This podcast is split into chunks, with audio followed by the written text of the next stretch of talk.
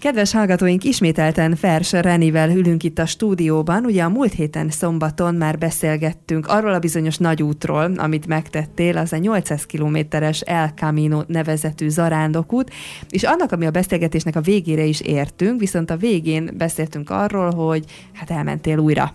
Tehát később azért ugyanezt a döntést meghoztad, és bizonyára más okból kifolyólag, más okok miatt döntöttél így, hogy újra nekivágsz egy másik féle útnak, vagyis hát nem tudom, hogy te pontosan megfogalmazod, hogy hogyan is. Minden esetre elsőként megint csak szeretettel köszöntelek itt nálunk. Szia, és üdvözlök mindenkit! Szóval én most így bele is csaptam a közepébe. Még egyszer neki indultál, aztán két évvel később, ha jól emlékszem, Igen. egy ilyen útnak. Mennyiben volt akkor ez más, ez az indítatás, vagy, vagy mi volt benned? Ez 2008-ban volt, és amikor az első útról hazaértem, akkor én tudtam, hogy vissza fogok menni. Abban még nem voltam biztos, hogy mikor, csak azt tudtam, hogy nekem oda vissza kell mennem. És készültem is rá, terveztem, úgyhogy már februárban megvoltak a repülőjegyeim, de az, hogy miért megyek ki, tehát azért, igazából úgy magyaráztam, hogy azért, mert hogy voltam már kint egyszer, de hát, ahogy mondtam a előző beszélgetésben is, az ember nem megy egy ilyen hosszú útra csak úgy, mert hogyha túrázni akarok arra, ott van mondjuk a kék túróútvonal, az is gyönyörű, még számos más ilyen kis útvonal. És ugye elkezdtem keresni egy okot, és végül találtál? azt találtam ki, hogy minden egyes napot felajánlok valakiért. És akkor készítettem egy naptárt, hogy mikor indulok az útra, mikor kezdek gyalogolni, mikor érek haza, és összeszedtem olyan, olyan embereket, akik közel állnak hozzám, barátaim, családtagok, ilyen csoportok, közösségek, ilyenek, és akkor minden, nap, minden napot felajánlottam ő értük. Úgyhogy így ennek szellemében gyalogoltam. Hát persze voltak ott is nehézségek, meg hát én nem is, nem akartam az északi útra menni. Szóval ez egy ilyen... Akkor derült ki, hogy én az északi útra fogok menni, amikor ültem az éjszakai vonaton Franciaországban. És akkor én elhatároztam, hogy jó, akkor most az északi útra megyek. Ja, értem, tehát, hogy a kiinduló pont az ezek szerint ugyanaz? Nem, nem, ez úgy volt, hogy bennem megfogalmazódott a, már az első úton, hogy az arándoktársak meséltek az északi útról, hogy milyen gyönyörű oda, érdemes elmenni, hogy ki kéne próbálnom, és akkor nem foglalkoztam vele, de aztán amikor ö, elhatároztam, hogy megyek a második útra, akkor elkezdtem gondolkodni, hogy na melyik legyen, az északi vagy a francia, és hezitáltam nagyon, és ezért ö, úgy rendeltem meg a vonatjegyeket, most ugyanúgy Párizsba mentem repülővel. Az a barátnőm már nem élt Franciaországban, úgyhogy úgy alkottam meg az utamat, hogy reggel, kora reggel érkeztem Párizsba, és késő este indultam tovább, tehát volt egy teljes napom Párizsban. És egy éjszakai vonattal mentem, és ö, van egy Bayon nevű kisváros, és ott kell átszállni. Most, hogy ott átszáll az ember, akkor vagy Saint-Jeanba megy, és akkor kezdi a francia utat, vagy pedig Irumba, és akkor az északit. Most én ugye megvettem az éjszakai vonatjegyet Bayonba, és onnan két darab jegyet rendeltem interneten keresztül, egyet Szentzsamba, egyet pedig Irumba hogy az utolsó pillanatig halogathassam, hogy ne kelljen már előre eldönteni. Pár euró különbség volt, tehát hogy nem, nem volt egy nagy összeg. És hogyan döntöttél végül, vagy mi az, ami azt mondta, hogy az északi útra menj? Ö, nagyon, én az északi útra nagyon szerettem volna elmenni, viszont féltem tőle, mert sokat olvastam róla, és tudtam, hogy az, az, az kaland. Tehát, hogy az, az, oda azért kell kitartás, erő, Hát azt utólag mondom, hogy azt nem tudtam, hogy annyi. Tehát voltak akkor úgy érzem meglepetések ezen az úton neked? Hát elég sok, és elég durva. Szóval igen, tehát érdekes volt ez is.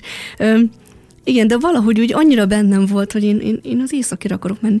Mert hogy a, a francián voltam egyszer, és annyira meghatározta az egész ö, francia utas zarándoklatomat, az a, ugye az a 2004-es év, amiről szó volt, hogy hogyha visszamegyek oda, arra gondoltam, hogy akkor az ilyen ja, hát itt már jártam, ekkor és ekkor ezt éreztem, itt ezekkel találkoztam, tehát egy ilyen, ilyen ismétlés. hogy ugyanazokat fogod átélni? Tehát, hogy nem, ne. lesz, nem lesz benne új? Biztos voltam benne, hogy lenne új, csak úgy vágytam valami, valami másra, valami, valami, hát nem is tudom, valami másra. Uh-huh. úgyhogy, úgyhogy végül öm, úgy történt a dolog, hogy éjszakai vonaton a kalauz bekopogtatott, kérte mindenkitől egyet, és akkor én ilyen mondtam neki, hogy hát én szeretnék Irumba menni, és nekem van jegyem, de úgy, hogy le kell szállnom Bajomba, ott két órát várok, és utána indulok tovább.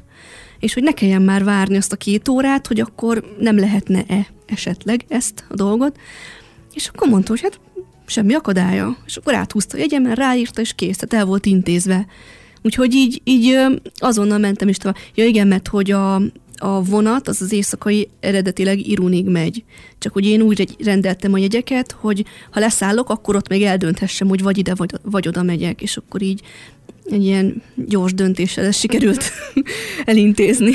Úgyhogy így kezdtem meg a, az északi utat végül.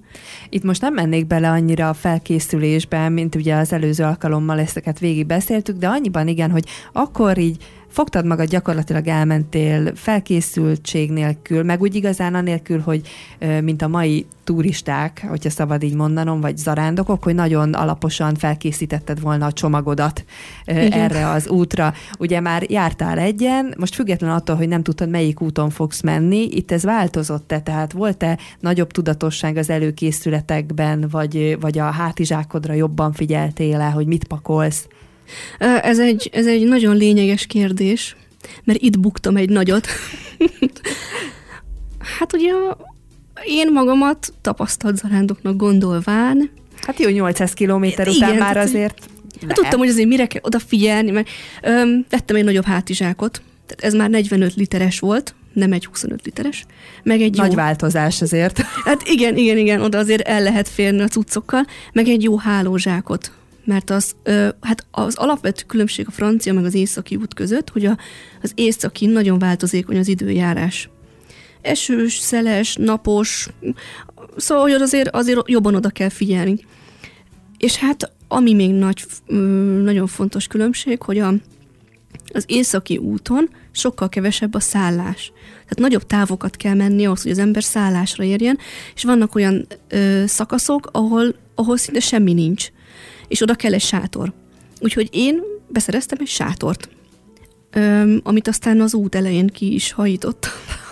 Húha, akkor nem sokáig ö, bírta a igen, sátor. Igen, igen. Na most ö, akkoriban volt egy ilyen kis, ö, hogy mondjam, egy ilyen családi összezuhanás, így nálunk ugye a szüleim elváltak, pont akkor abban az időszakban volt ez ilyen, úgyhogy én a végén nagyon kapkodtam már a, a cuccaimmal, és mindent beledobáltam, hogy ez is kell, az is kell, az is, az nem baj, hogyha egy kicsit nehezebb, majd kibor, kibírjon valahogy. És hát ebből lett az, hogy azt hiszem, hogy 13 kiló volt a cuccom, ami, ami rengeteg. Ö, 11, leg, legtöbb, szóval a legtöbb, amit elbírok, az 11 kiló volt körülbelül, ahogy az előző útnál kiderült. Az a plusz két kiló, egyébként a, hát a na, a sátornak a súlya, az pont arra volt elég, hogy, hogy nekem fizikailag problémákat okozzon. Ez azt jelentette, hogy a bal lábamnak, tehát a térdem oldalánál elkezdett kegyetlenül fájni. És ez végül oda vezetett, hogy én na, voltak szóval körülbelül négy-öt nap, amikor nem tudtam járni egyáltalán és akkor komolyan felmerült, hogy nekem haza kell onnan jönnöm. Mondjuk volt annyi eszem, hogy amikor megérkeztem Irumba, az volt az első gondolatom, hogy jó, egy kilót én azonnal hazapostázok. Ilyen, hát ilyen fontosnak tűnő dolgok, amik tök feleslegesek, mint kis szótár. Utólag azt mondom, hogy nem jött volna rosszul, de akkor még ez az okos telefon technológia nem volt, hogy ugye rárakjunk szótárprogramot, azt úgy ki is dobtam fényképezőgéphez elemtöltő, tehát ilyen, ilyen dolgokat küldtem haza. Igen, és akkor maradt a sátor, amiről mondták, hogy hát azért arra nagy szükség van, de pár nap után az már lehetetlenné tette nekem a járást, úgyhogy úgy döntöttem, hogy azt elpostázom Santiago-ba. Ez, nagyon rendesek voltak a, a postások azon a helyen, ahol postára adtam. Hát mondták, hogy nem szoktak ilyet, de megteszik nekem azt, hogy csak két hét múlva adják fel Santiago-ba, adnak nekem egy elismervényt, amivel én felvehetem a sátrat. Mert hazapostázni nagyon drága lett volna, kidobni meg szintén, mert hát ugye mégiscsak pénzbe került. Úgyhogy ö, megérkeztem Santiago, és akkor átvettem a sátort, és így még a mai napig megvan. De egyébként használtam is egyszer kényszerűségből. Hát az már egy nagyon nagy kaland volt. Na de akkor azt mondtad ugye, hogy alapvetően azt mondták neked is, hogy szükség van a sátorra, most akkor ehhez képest te meg elindultál sátor nélkül?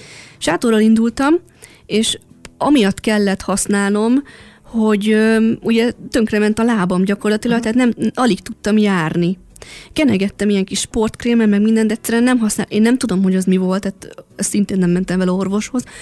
Helyre jött utána, valamilyen, én nem tudom, ilyen ín, ín szalag, vagy ín gyulladás, vagy nem tudom, mik vannak ott, de ö, egyszerűen nem tudtam, tehát lefelé nem tudtam menni, és amikor beértem egy helyre, egy településre, akkor ö, az lent volt a, a tengerparton, és én nem tudtam lemenni, és ezért úgy döntöttem, hogy hát akkor a domtetőn sátorozom egyet. Nagyon nagy élmény volt egyébként, egy ilyen kis birtoknak a kertjébe sikerült a sátrat felállítani, és, és pont a tengerre láttam, ott a nap lement. Ezt ott. mindenki megirigyelné. Igen. Na, tényleg, és akkor elkezdtem gondolkodni, hogy hát mennyire vagyok nem normális, hogy ott a baszkföldön ráadásul, ott a, egy, egy igazából majdnem, hogy lakatlan területen, és akkor gondolkodtam, hogy hát milyen állatok lehetnek. amik az életemre törhetnek, tehát kutya, macska, ezek a tengeri dögök nem jönnek ki a vízből, akkor legfeljebb ilyen dáridózó fiatalok, vagy tehát, és akkor rájöttem, hogy semmi bántodásom nem esett. Aludtam egy jót, és akkor reggel összepakoltam magam, és mentem tovább. Akkor lehet, hogy én értettem félre, tehát hogy a sátort akkor te menet közben adtad le? Igen.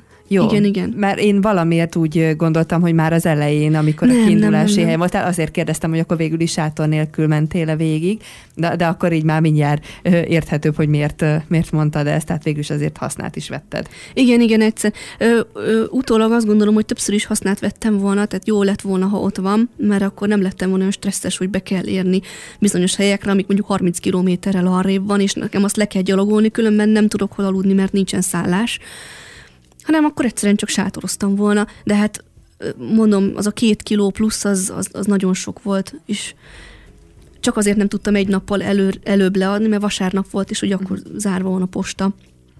De megtettem volna, de hát így is ö, így nem tudtam járni, és, és így is ö, hát négy, három, négy, öt, nem tudom pontosan pár napot azért buszozni, meg vonatozni kellett. Mert gondoltam, hogy ha ha folytatom ezt, akkor ott vége van az arándoklatnak, tehát haza kell jönnöm, és kész. Ez az út egyébként ugyanúgy ilyen 800 kilométeres távolságú? Körülbelül igen. Tehát azért arról a kiinduló pontról. Egyezik, igen. viszont itt akkor sokkal több ö, mindent láttál. Most ugye például említetted a tenger, tehát hogy itt azért amellett is haladtál, magaslatokba is jobban kellett közlekedned? Igen, ez az északi út, ez végig a, a tengerparton megy tehát az a lényeg, hogy az ember megy, és jobb oldalon legyen a tenger, bal oldalon legyenek a hegyek. Azért kell egy, na, kell az északi útra egy jó úti könyv. Az nekem volt, és kell spanyol nyelvtudás, ami nem volt. Na most emiatt én oh, jaj, nagyon, nagyon nagyokat szívtam. Szóval a naplomba ezerszer leírtam, hogy mennyire utálom, hogy nem tudok spanyolul, mert, mert ott öm, egyszerűen tehát nagyon sokan vannak, akik vagy egy-két szót beszélnek, inkább a fiatalok, de a, az idősebbekkel, hogy megértessem magam. Volt olyan, hogy, hogy mentem az úton, délbe, dögmelegbe, és, és így elfogyott az út, és ott találtam magam a tengerrel szemben, egy ilyen sziklás részem, mellettem egy valami kis szántóföld féle, ott egy idős házas pár kapált. És akkor kétségbe estem, hogy akkor most mi van hogy innen hogyan tovább, és így próbáltam velük kapcsolatot teremteni, és egyszerűen azt nem bírtam megértetni velük, hogy én nem Santiago-ból jövök, hanem oda megyek. És így próbáltak mutogatni, de hát semmi. És akkor az volt a mázlim, hogy jött szembe egy futó, egy fiatal, és, és megállítottuk, és, és akkor ő mutatta, hogy merre kell menni, ő, mert ő tudott angolul. Szóval, hogy, hogy, hogy ilyenek, ilyenek azért voltak. És akkor ugye elindultál ezen az úton, azt mondtad, hogy minden napot valakiért, valakikért felajánlottál, tehát most ez volt a motivációd, meg hát nyilván azért megint csak tudtad, hogy a saját lelkednek is jót fog tenni, tehát ha csak simán úgymond legyalogolnád, akkor is jó hatással lenne rád. Mi volt egyébként még meglepő az előzőhöz képest? Tehát azért ugye te is mondtad talán még a múltkor, amikor beszélgettünk, hogy az, hogy a másik utat végigcsináltad, azért egyfajta önbizalommal feltölzött, hogy azért te már tudsz valamit erről az Igen. útról, és akkor ahhoz képest ilyenkor szokott az lenni, de bármiről beszélhetnénk, amikor az ember azt hiszi, hogy már sok mindent látott, akkor azért jönnek újdonságok. Igen, tehát hogy, hogy azért nagyon hamar összetöri az út ezt, a, ezt az önbizalmat. Nagyon nagy különbség van a két út között. Ugye azt mondtam, hogy, hogy sokkal ritkábban vannak a szállások, és a francia útnak megvan egy ilyen, így ilyen, egy ilyen szakaszossága, hogy az elején szép zöld, aztán az ember kiér a mezetára, ez a síkság, és, és utána újra zöld és hegyes völgyes. Öm, sok kis település van, nagyon sok szállás van, szépen ki van jelölve az út, nem lehet eltévedni, tehát ugye az egy nagyon, nagyon jó kis, jól jelzett, jelzett út. Az északi az végig hegyes völgyes, tehát ott nincsenek ilyen megálló. Rengeteg nagyváros van, ami azért kiveszi az emberből az energiát. Sőt, Bilbao környékén konkrétan ilyen egybeépült nagyvárosok vannak, tehát volt olyan, hogy napok csak városban mentem, és azért ott megtalálni. Baszkföldön nagyon szépen ki van jelölve az út, Asztúria, az például egy katasztrófa, tehát ott mindenhol vannak jelek, vagy sehol nincsenek jelek. Tehát itt is egy sárga nyíl, ott is így az ember így, na most akkor merre menjek, akkor mentem következetesen a nyilak után, és akkor egy iszonyatos nagy bozótosba találtam magam, hogy nem tudtam tovább menni. Jó, akkor vissza az egész. Vagy megyek nagyon-nagyon sokáig, és volt olyan, hogy nem találtam jelet, és akkor biztos, hogy erre kell nekem jön, vissza az egész. Visszagyalogoltam, aha, erre kell menni. És akkor mentem tovább, és, és továbbra sem voltak jegy, jelek, Na és akkor, ö, akkor vissza megint. Szóval, hogy ilyen össze-vissza menések is voltak, ami azért elég sokat számít, hogy, hogy az ember mondjuk két kilométer pluszt hozzátesz az amúgy is nagy távhoz, amit mennie kell. És itt ráadásul, hogyha aránylag sokat kellett ugye menni városban, tehát a civilizációban, ez mennyire za- volt zavaró például abból a szempontból, hogy, hogy azért az előző körben ott is nyilván átmentél falvakon, hiszen a szállások, illetve találkoztál másokkal, de hát azért ez nagyobb tömeget jelent az utadon. Igen. A, az északi úton nagyon kevés az arándok. Irumba például azt hiszem négyen voltunk a szálláson, és öm, egy emberrel találkoztam közbe, ami nagyon nagy mázli volt, mert nélküle nem találtam volna meg a kikötőt, ahol hajóra kell szállni és átmenni a túloldalra, különben nagyon nagyot kell gyalog kerülni, ami azért sok, tehát nagyon megdobta volna azt a napot. Tényleg kevesen vannak, és volt olyan, hogy napokig egyedül gyalogoltam, és aztán a szálláson meg összegyűjt az a rengeteg 7-8 ember, és akkor nagyon meglepődtem, hogy ők honnan kerültek ide. Itt nem lehetett annyira nyomon követni egymást, hogy őt már láttad valahol. Igen, itt nagyon hamar elveszítettem az embereket. Tehát volt, volt egy, egy-két olyan ö, zarándok, akikkel összebarátkoztam, és aztán így eltűntek. De voltak olyanok, akikkel ö, sokat gyalogoltunk együtt, sokat mentünk együtt, ők voltak igazából ott a családom az úton, ezt így írtam, írtam is a naplóba, hogy, hogy tényleg nagyon sokat jelentett, hogy ők ott voltak, és is segítettük egymást, mert azért a francia úton könnyű a tömeg után menni, meg azért az ember előtt is, meg mögötte is vannak zarándokok, tehát hogyha bizonytalan, akkor azért, ja, ott is megy egy ember, akkor jó helyen vagy. Itt nem volt ilyen. Az előző úton sok pozitívum ért így az emberekkel kapcsolatban is. Azért itt is megvolt ez a kis varázsa ennek a dolognak? Teljesen más, más emberek járnak az északi úton. Azért ugye volt már összehasonlítási alapom, a francia úton annyira magától értetődő ez a, ez a spiritualitás, ami a környezetből is árad. Most a múltkori beszélgetésnél nem beszélgettünk a, a szállásokról, Háromféle féle szállás van az úton. Van az állami vagy önkormányzati fenntartású, hát ezek általában ilyen nagyobb helyek, ilyen tömegszállás, van konyhája, lehet főzni, sok ember összegyűlik, kifizeti az ember a, azt a pár eurós díjat, és akkor ott el van. Akkor vannak az egyházi szállások, ezek, ezek kicsik, általában templomok mellett vannak, ott ö, egy, vagy egyházi személyzet, vagy papok, vagy ö, ilyen önkéntesek vannak, akiknek az egész szívügyük, ott közös főzés van, közös éneklés, esti közös imádság, ez egy nagyon nagy többletet ad. És akkor van a harmadik, ez a privát szállás, hát az már félig hotel, egyszer-kétszer megszálltam ilyen helyen a francia úton, de nekem az nagyon, tehát én azért túlságosan zarándoknak éreztem magam egy ilyen, ilyen puccos helyhez, úgymond, tehát az, az már ilyen tényleg hotel jellegű. Öm, és én mindig az egyházi szállásokat kerestem, mert ez ugye nagyon sokat adott. És az északi úton ezekből kevés van. Ugye a távolságok miatt is egy-két ilyen pont van, amik, amik így teljesen feltöltik az embert, és, és így tud tovább gyalogolni, és ez, ez nagyon sokat ad. De a zarándoklatnak ö, van egy kevésbé zarándoklat jellege az északi úton.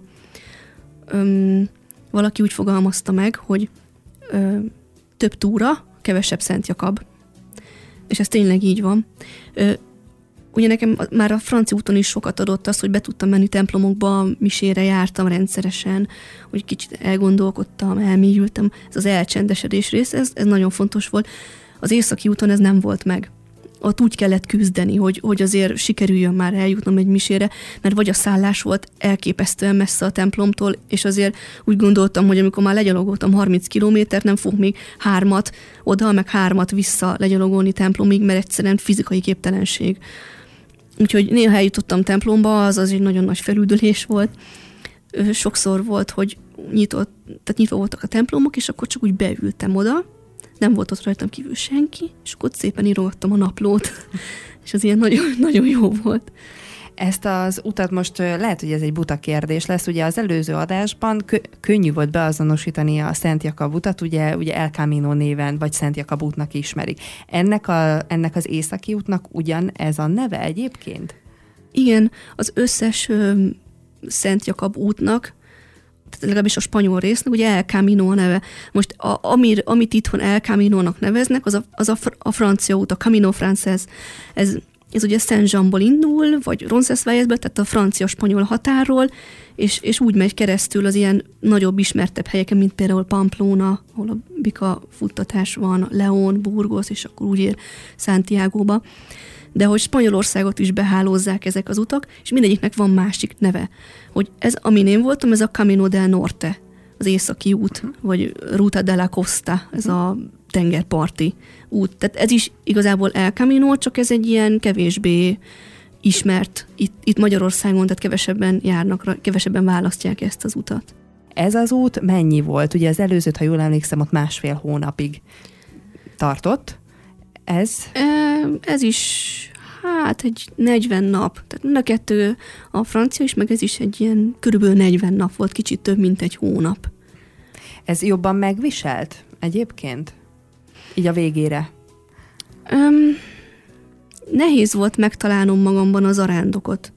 Azt az arándokot kerestem, akivé váltam a francia úton. Ott ugye egyértelmű volt az egész, tehát tényleg ott kívülről árad, és minden ezt az egész zarándoklat dolgot. Na most, szóval tényleg ennek van egy nagyon mély vallási jellege, amit szerintem nem lehet kikerülni, de szerintem mondtam a múltkori adásban is, hogy Santiago-ba megyek, egy katedrálishoz, ahol Szent Jakab relikviái vannak, aki Jézus tanítványa volt, tehát ezt sehogy nem lehet megkerülni. És hát ugye ez a zarándoklatnak a lényege, és hát a Santiago de Compostela az a keresztény világ egyik legjelentősebb zarándokhelye.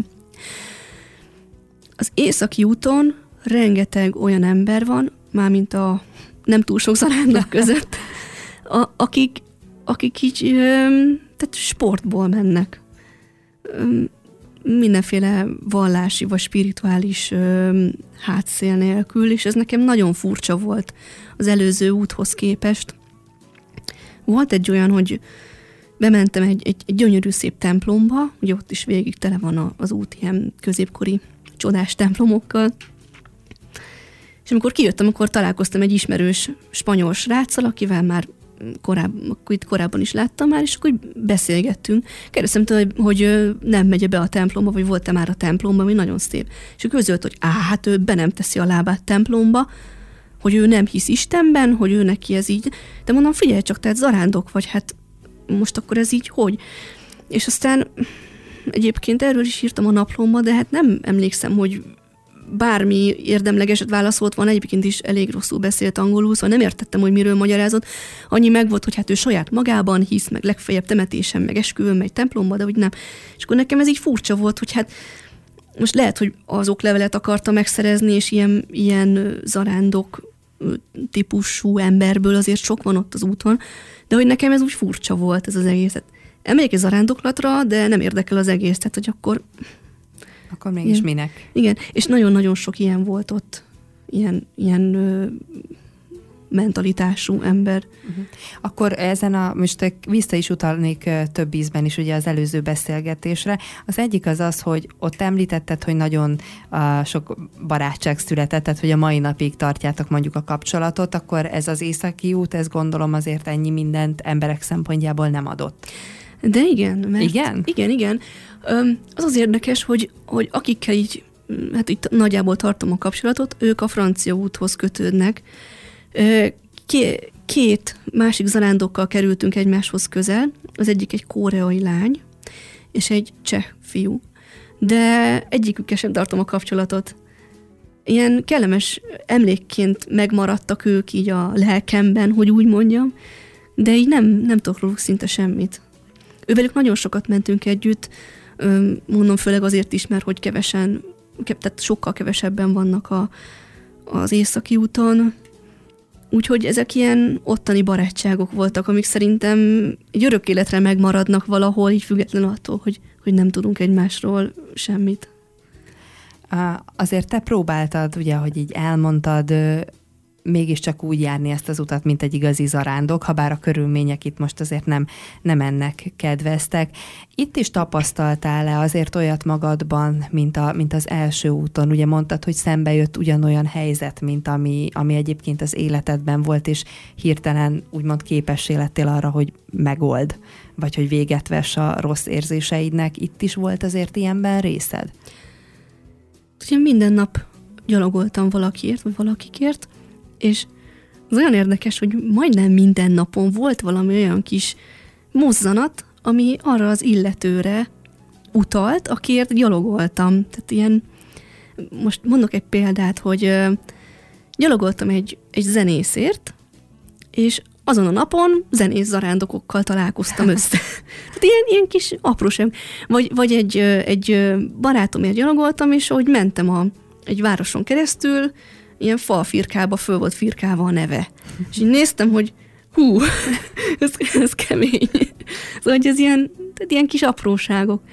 Vagy hogy egy nap olyan volt, mint amilyen az illető, akiért mentem, vagy, vagy amilyen a kapcsolatom vele. Szóval ezek ilyen kis apró mozzanatok. És milyen volt így megérkezni végül Santiago-ban? Másmilyen volt, mint az első út ott ö, most az északi út az véget ér ö, Santiago előtt egy, hát nem is tudom, talán 50-60 kilométerre, és csatlakozik a francia úthoz. És onnantól a két út ugye egyesül, rengetegen vannak, nagyon sokan. Én akkor ö, megszálltam megint a Montedogozón, és akkor onnan besétáltam a városba, a szokást akkor megtartottad. igen, igen, hát az ember egy kicsit úgy fölkészül, úgy igen. kitisztítja a testét, lelkét, tehát hogy zuhanyzás, ruhamosás, hát az utolsó simítások, és akkor onnantól kényelmesen be lehet sétálni a városba. Ítéletidő volt, szakadt az eső, és, és fújt a szél, úgyhogy teljesen eláztam, mire beértem a városba, és ugye a nagy téren senki nem volt. És megérkeztem, és ilyen beállt, ott álltam a tér közepén, és így, így kitártam a karomat, és így hálát adtam, hogy végig tudtam csinálni ezt, és így szakadt rám az eső. És aztán bementem a templomba, és ez is egy ilyen nagyon nagy katartikus élmény volt, hogy térdeborulás, zokogás. És, és utána ugye a szokásos körök, lementem a, a szarkofághoz, fölmentem a melszoborhoz, és akkor beültem a padba, nagyon sokan voltak utána már, az idő is jobb lett, jöttek a turisták, jöttek az arándokok, tele volt a templom, de hogy nem számított. Tehát nem, nem kívül volt már minden a, a csoszogás, a fényképezőgépek kattogása, a sustorgás, minden. Ott ültem, és csak a templom volt, az, hogy én befejeztem az arándoklatot, Szent Jakab volt, és, és a mise kezdete. És, és, és így ennyi. Szóval hogy ez egy nagyon, nagyon ö, nagy katarzis volt így a végére. Akkor nem is tudnád összehasonlítani a kettőt, hiszen mind a kettő úttól kaptál bőven. Igen, nagyon-nagyon különböző utak, de nem bántam meg, hogy az északit választottam. Sokkal nehezebb, testileg, lelkileg nehezebb. Az északi úton kicsit ilyen turistás elemek is vannak, ugye strandolás, hát folyamatosan. Jött a tengerpart, ilyen gyönyörű homokos tengerpart, másik fején a hatalmas hegyekkel, ilyen gyönyörű zöld az egész, tehát hogy, hogy állandóan strandoltam, meg strandoltunk, ahol lehetett.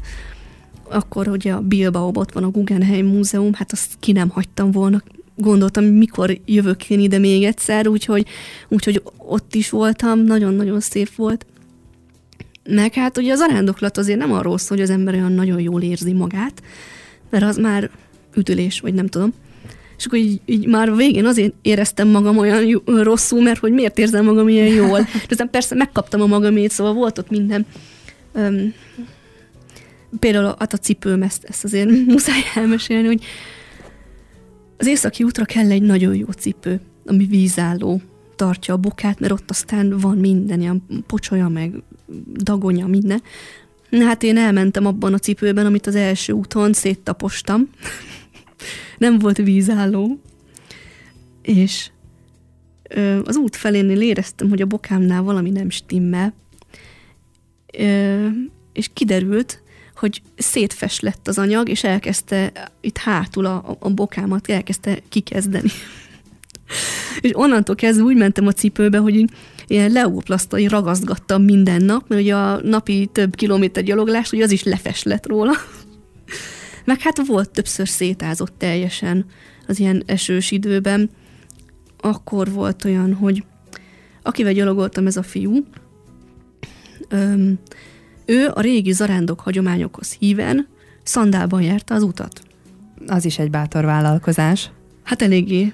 Neki cipője zoknia. Nem volt, ő szandába. És aztán volt egy szakaszon, amikor rájöttem, hogy mennyire igaza van, és akkor addigra én már teljesen szétáztam, és lecseréltem a szandára, mezítláb szandál, és onnantól kezdve megoldódott az összes problémám, mert hát bokáig jártunk a trutyiban, ilyen építési területen mentünk keresztül a szakadó esőben, és, és az milyen jó volt, hogy nem kellett kerülgetni a pocsolyákat, hanem így belementem. szóval az, is. Igen, mint a kisgyerekek, így, így, így kerestem a pocsolyákat, meg az összes ilyen, ilyen mocsarat, és így mentünk bele, hát az nagyon, nagyon vicces volt hogy azért ott is tanul az ember sok minden. É, felvetődik a kérdés, jó, tény, egy zarándoklat nem erről szól, de sok városon mentél keresztül, tehát nem, nem gondoltál arra, hogy mondjuk vegyél egy jobb cipőt? Vagy egy másikat? Nem. Nem, mert hogy egyrészt iszonyatosan drága, az ugye az anyagi lehetőségek behatároltak voltak, másrészt pedig azt be kell törni. Tehát azért az egy, egy ilyen alapszabály, hogy, hogy az ember, hogyha már ilyen hosszú útra megy, ott azért nem szabad kockáztatni.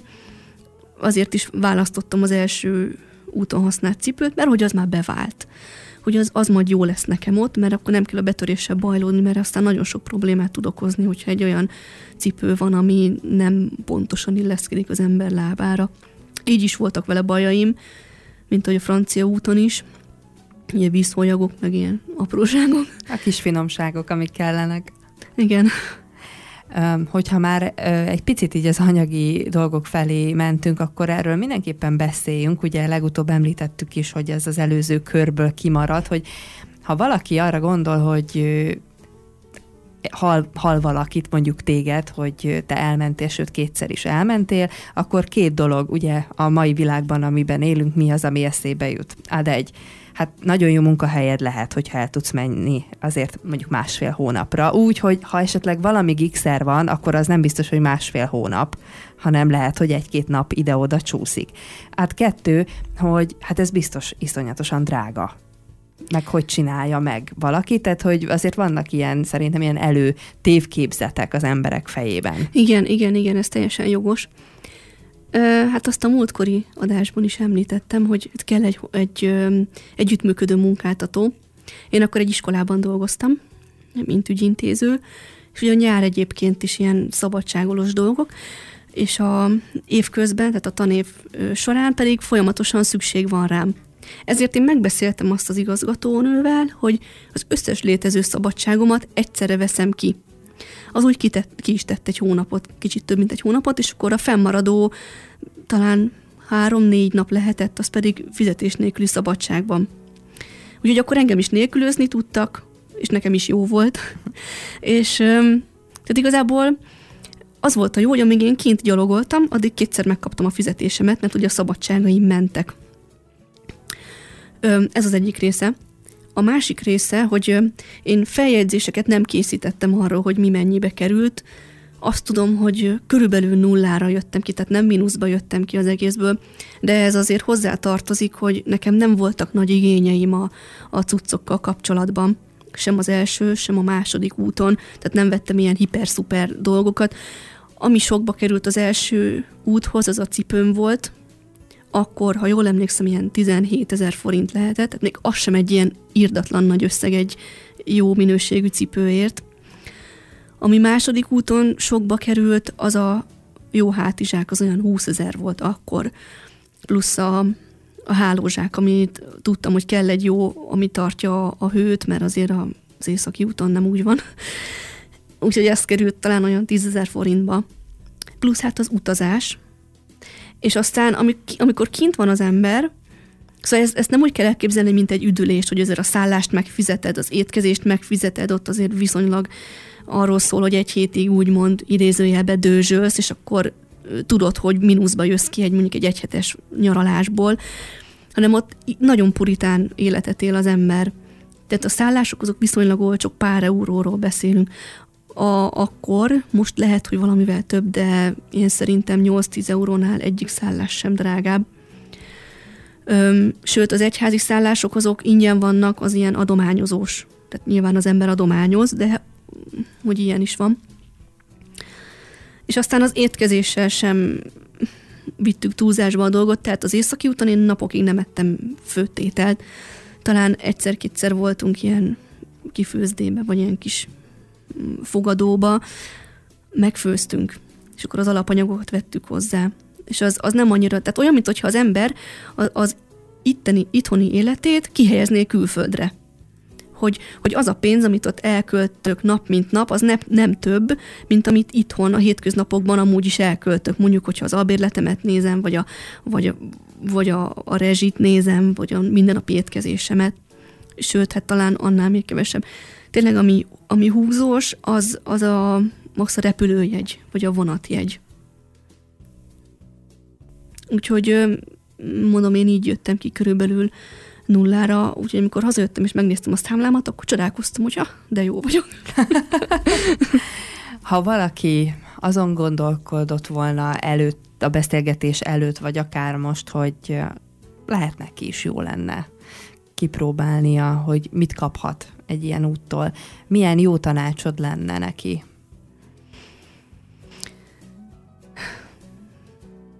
Akár anyagi, akár felfogásbeli tanács. Az északi út előtt én elkezdtem írni egy blogot, és már amikor felkészültem az útra, tehát már ugye februárban tudtam, hogy én nyáron kimegyek, akkor ezt a két kérdést írtam fel, amire mindenképpen ö, érdemes elgondolkodni. Az egyik, hogy, hogy hisze az ember abban, rendíthetetlenül, hogy végig tudja ezt csinálni. És hogy akarja is végig csinálni. És hogyha mind a kettőre határozott igen a válasz, akkor ez biztos, hogy sikerülni fog mert csak az első lépés nehéz megtenni. És az első lépés nem az, hogy fizikailag lépek egyet ott az úton, hanem hogy akkor én elhatározom, hogy kimegyek, és megnyomom a repülőjegy megrendelése gombot az interneten adott esetben, és akkor onnantól már adott a tény, hogy, hogy kimegy az ember az útra. Öm, ami a fizikai részét illeti, hát most már azért nagyon sok fórum van, ahol lehet érdeklődni, meg utána olvasgatni. Például Facebookon is van, megalakult a Magyar Zarándok, Szent Jakab Zarándok Társaság, ami akkor még nem volt. Öm, Pesten van irodájuk egyébként, és rendszeresen tartanak találkozókat. Őket érdemes esetleg megkeresni. Ők egyébként azt is vállalják, hogy itthon kiállítanak egy zarándok bútlevelet, amit egyébként a szálláson is, tehát a kiinduló pontnál meg lehet kapni, ez így mindenkinek a saját belátása, hogy hol, hol szeretné ezt beszerezni. Öm, ami fontos, hogy a saját példámból nem kell különösen fizikailag toppon lenni ahhoz, hogy az ember elinduljon, nem kellene különös felszerelés ahhoz, hogy túlélje ezt az egészet. Tehát persze vannak ilyen kis lux, luxus idézőjelben, luxus dolgok, hogy ilyen hiper-szuper könnyű, nagyon nagy nepszívó képességi törölköző, ami pillanatok alatt megszárad, ugyanez ruházatból is, meg cipőből is, amivel nagyon könnyűvé lehet tenni az életet, de nem ezeken múlik alapvetően egy zarándoklat sikere, hanem azon, hogy az ember hisze abba rendíthetetlenül, hogy ezt végig tudja csinálni. Nekem az északi úton nagyon sok mélypontom volt, sokkal több, mint a francián. Tehát volt olyan, hogy napokig abban voltam, hogy nem csinálom tovább, hazajövök. A francián talán egy ilyen volt, azt el is meséltem, de itt nagyon sok. Nagyon sok volt, mert tényleg annyira megterhelő az északi mindenféle szempontból. De ha valaki a franciát választja, szerintem azért könnyebb dolga van. Az északi az a Camino 2.0. haladó verzió. Igen, igen, igen. Hát, ha valaki szereti a kihívásokat, szereti a kalandot, és, és ö, tényleg bebizonyítani azt, hogy ilyen túlélő képessége van, akkor menjen az északi útra elsőre. De én csak azért tudtam felfedezni már az északiban is az ilyen kis, um, hogy mondjam, az ilyen megtartó dolgokat, az, ami számomra fontos volt, mert hogy tudtam, hogy milyen zarándoknak lenni a, a francia úton. Szóval ha az északit választom először, szerintem nagyon nagy bajba lettem volna. Mert teljesen más jellegű problémák ö, gyötörtek az északin, mint a francián. Ennek ellenére terveztél egy következő utat is harmadszor is ki akartál menni, Igen. ha jól emlékszem. Az mondjuk meghiúsult, de nem azért, mert, mert úgy döntötted, hogy á, mégsem, hanem egyszerűen az élet szólt közben. Igen, igen, igen. 2010-re terveztem a harmadik utamat, és csak hogy igazán változatos legyen, az ezüst utat szerettem volna végigjárni, ami egy még ismeretlenebb, főleg itt Magyarországon. ez, ez ha nem is tudom, már talán Szevillából indul, ugye az a, a tehát Spanyolországot keresztbe szeli át, nem hosszába, mint a, a, az északi meg a francia.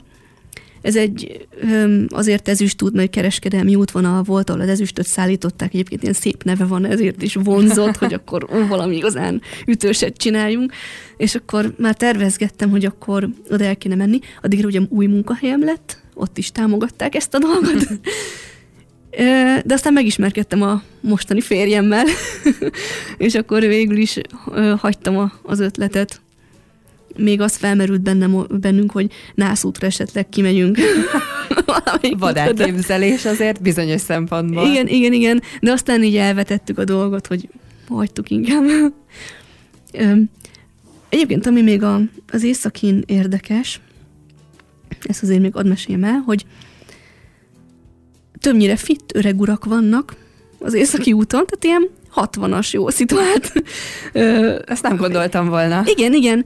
Ö, tényleg sokan ilyen, ilyen idősebbek, hát és akkor az egyikkel megismerkedtem, egy belga ö, zarándok volt, vele is sokat mentem együtt, meg hát egy zarándok szálláson is megszálltunk, ahol szintén csodálkoztak azon, amin ő is, hogy én nőként egyedül vágtam neki az északi útnak. Um, ez uh, Ernesto atya szállása, ez egy, egy, egy ilyen impozáns szállás, egy ilyen emblematikus szállás ott az északi úton, Guemezben van, körülbelül az út felénél. Ernesto atya, hát szerintem most már talán a 80-at tapossa, egy nagy világjáró ember, és ő, ő neki szíve csücske ez az egész zarándoklat, és csinált egy nagy szállást, és feljegyzéseket készít a zarándokokról, és én így megtudtam egy másik zarándok társtól, aki beszélgetett vele, rólam, hogy hát nagyon csodálkozik rajtam, mert hogy, a, hogy nem jellemző, hogy nők egyedül mennek az északi útra. Tehát ha nők mennek, akkor kette-hárman legalább. És tényleg így találkoztam ö, lányokkal, hogy így csoportosan mentek. Tehát, hogy az ilyen különlegesnek számított, hogy én ott egyedül és mondta ez a belga zarándok is, hogy hát neki van lánya, de hogyha ő akart volna az északira menni egyedül, akkor nem engedte volna. szóval én nem tudom, minek, én nagyon naív vagyok, meg voltam akkor is, és így nem éreztem ezt problémának. Főleg, hogy azért ugye találkoztunk ott, megismerkedtünk többen így, és akkor együtt mentünk tovább, úgymond barátokkal. De hogy igen, ez egy ilyen, egy ilyen érdekes pont volt, hogy azért nem, kiderült, hogy nem jellemző az, amit én csinálok, pedig teljesen természetesnek gondoltam, mert hát végigjártam a franciát, akkor most mi észak, ez is csak egy zarándok út, tehát hogy nem, semmi különös nincsen benne. Minden esetre biztos, hogy még most is emlékeznek rád. Hát Emiatt nem. legalábbis. Nagy valószínűséggel. Most nyilván már családod van, tehát már másképp gondolkozol, de azért van-e tervben vagy ez az ezüstút, vagy úgy egyáltalán, hogy kimenni újra? Mindenképpen. Ez nekem mindig benne van a gondolataimban, hogy nekem oda vissza kell mennem. És, és ez megint egy olyan dolog, amit nem tud megmagyarázni az ember. Az első útra is úgy mentem, hogy nekem oda kell mennem, és kész. És ugye azóta is.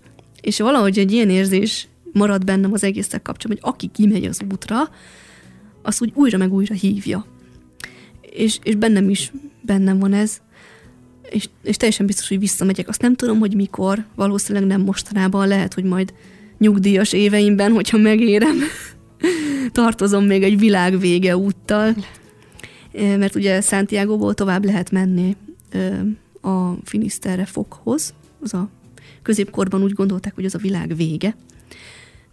Hát olyan három napi járásra van körülbelül, és az első úton azért nem tudtam lemenni, mert akkor volt ilyen, hogy nevezik ezt stathárium, körbezárta a tűz Santiago-t, és nem engedtek le senkit, se nyalog, se busszal, tehát mire mi mentünk volna, addigra már teljesen körbezárta a tűz az egész várost. Másodszorra meg azért, mert nem volt már időm. Az északi úthoz sokkal több idő kell, mint a franciához, mert lassabban megy az ember, kicsit turistáskodik, nagyobbak a távok, szóval hogy, hogy azért fárasztóbb is. És pont úgy értem be már Santiago-ba, hogy másnap indult a repülőm, tehát nem volt időm elmenni Finiszterébe. Úgyhogy ezzel még tartozom akkor ehhez csak hogy stílusos legyek, csak annyit tudok mondani, hogy buen camino. Gracias. De azt ne felejtsd el, hogy utána jelenésed van a Vörös Marti Rádióban. Igen, ha megérjük mindketten, akkor jövök. Na, na azért remélem, hogy megérjük mind a ketten. Ki tudja, mikor jutok el.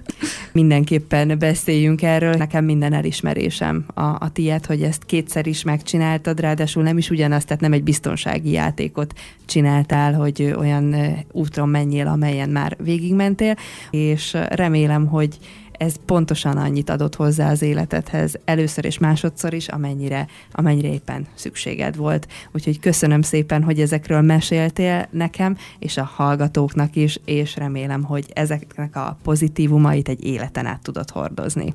Köszönöm szépen a meghívást.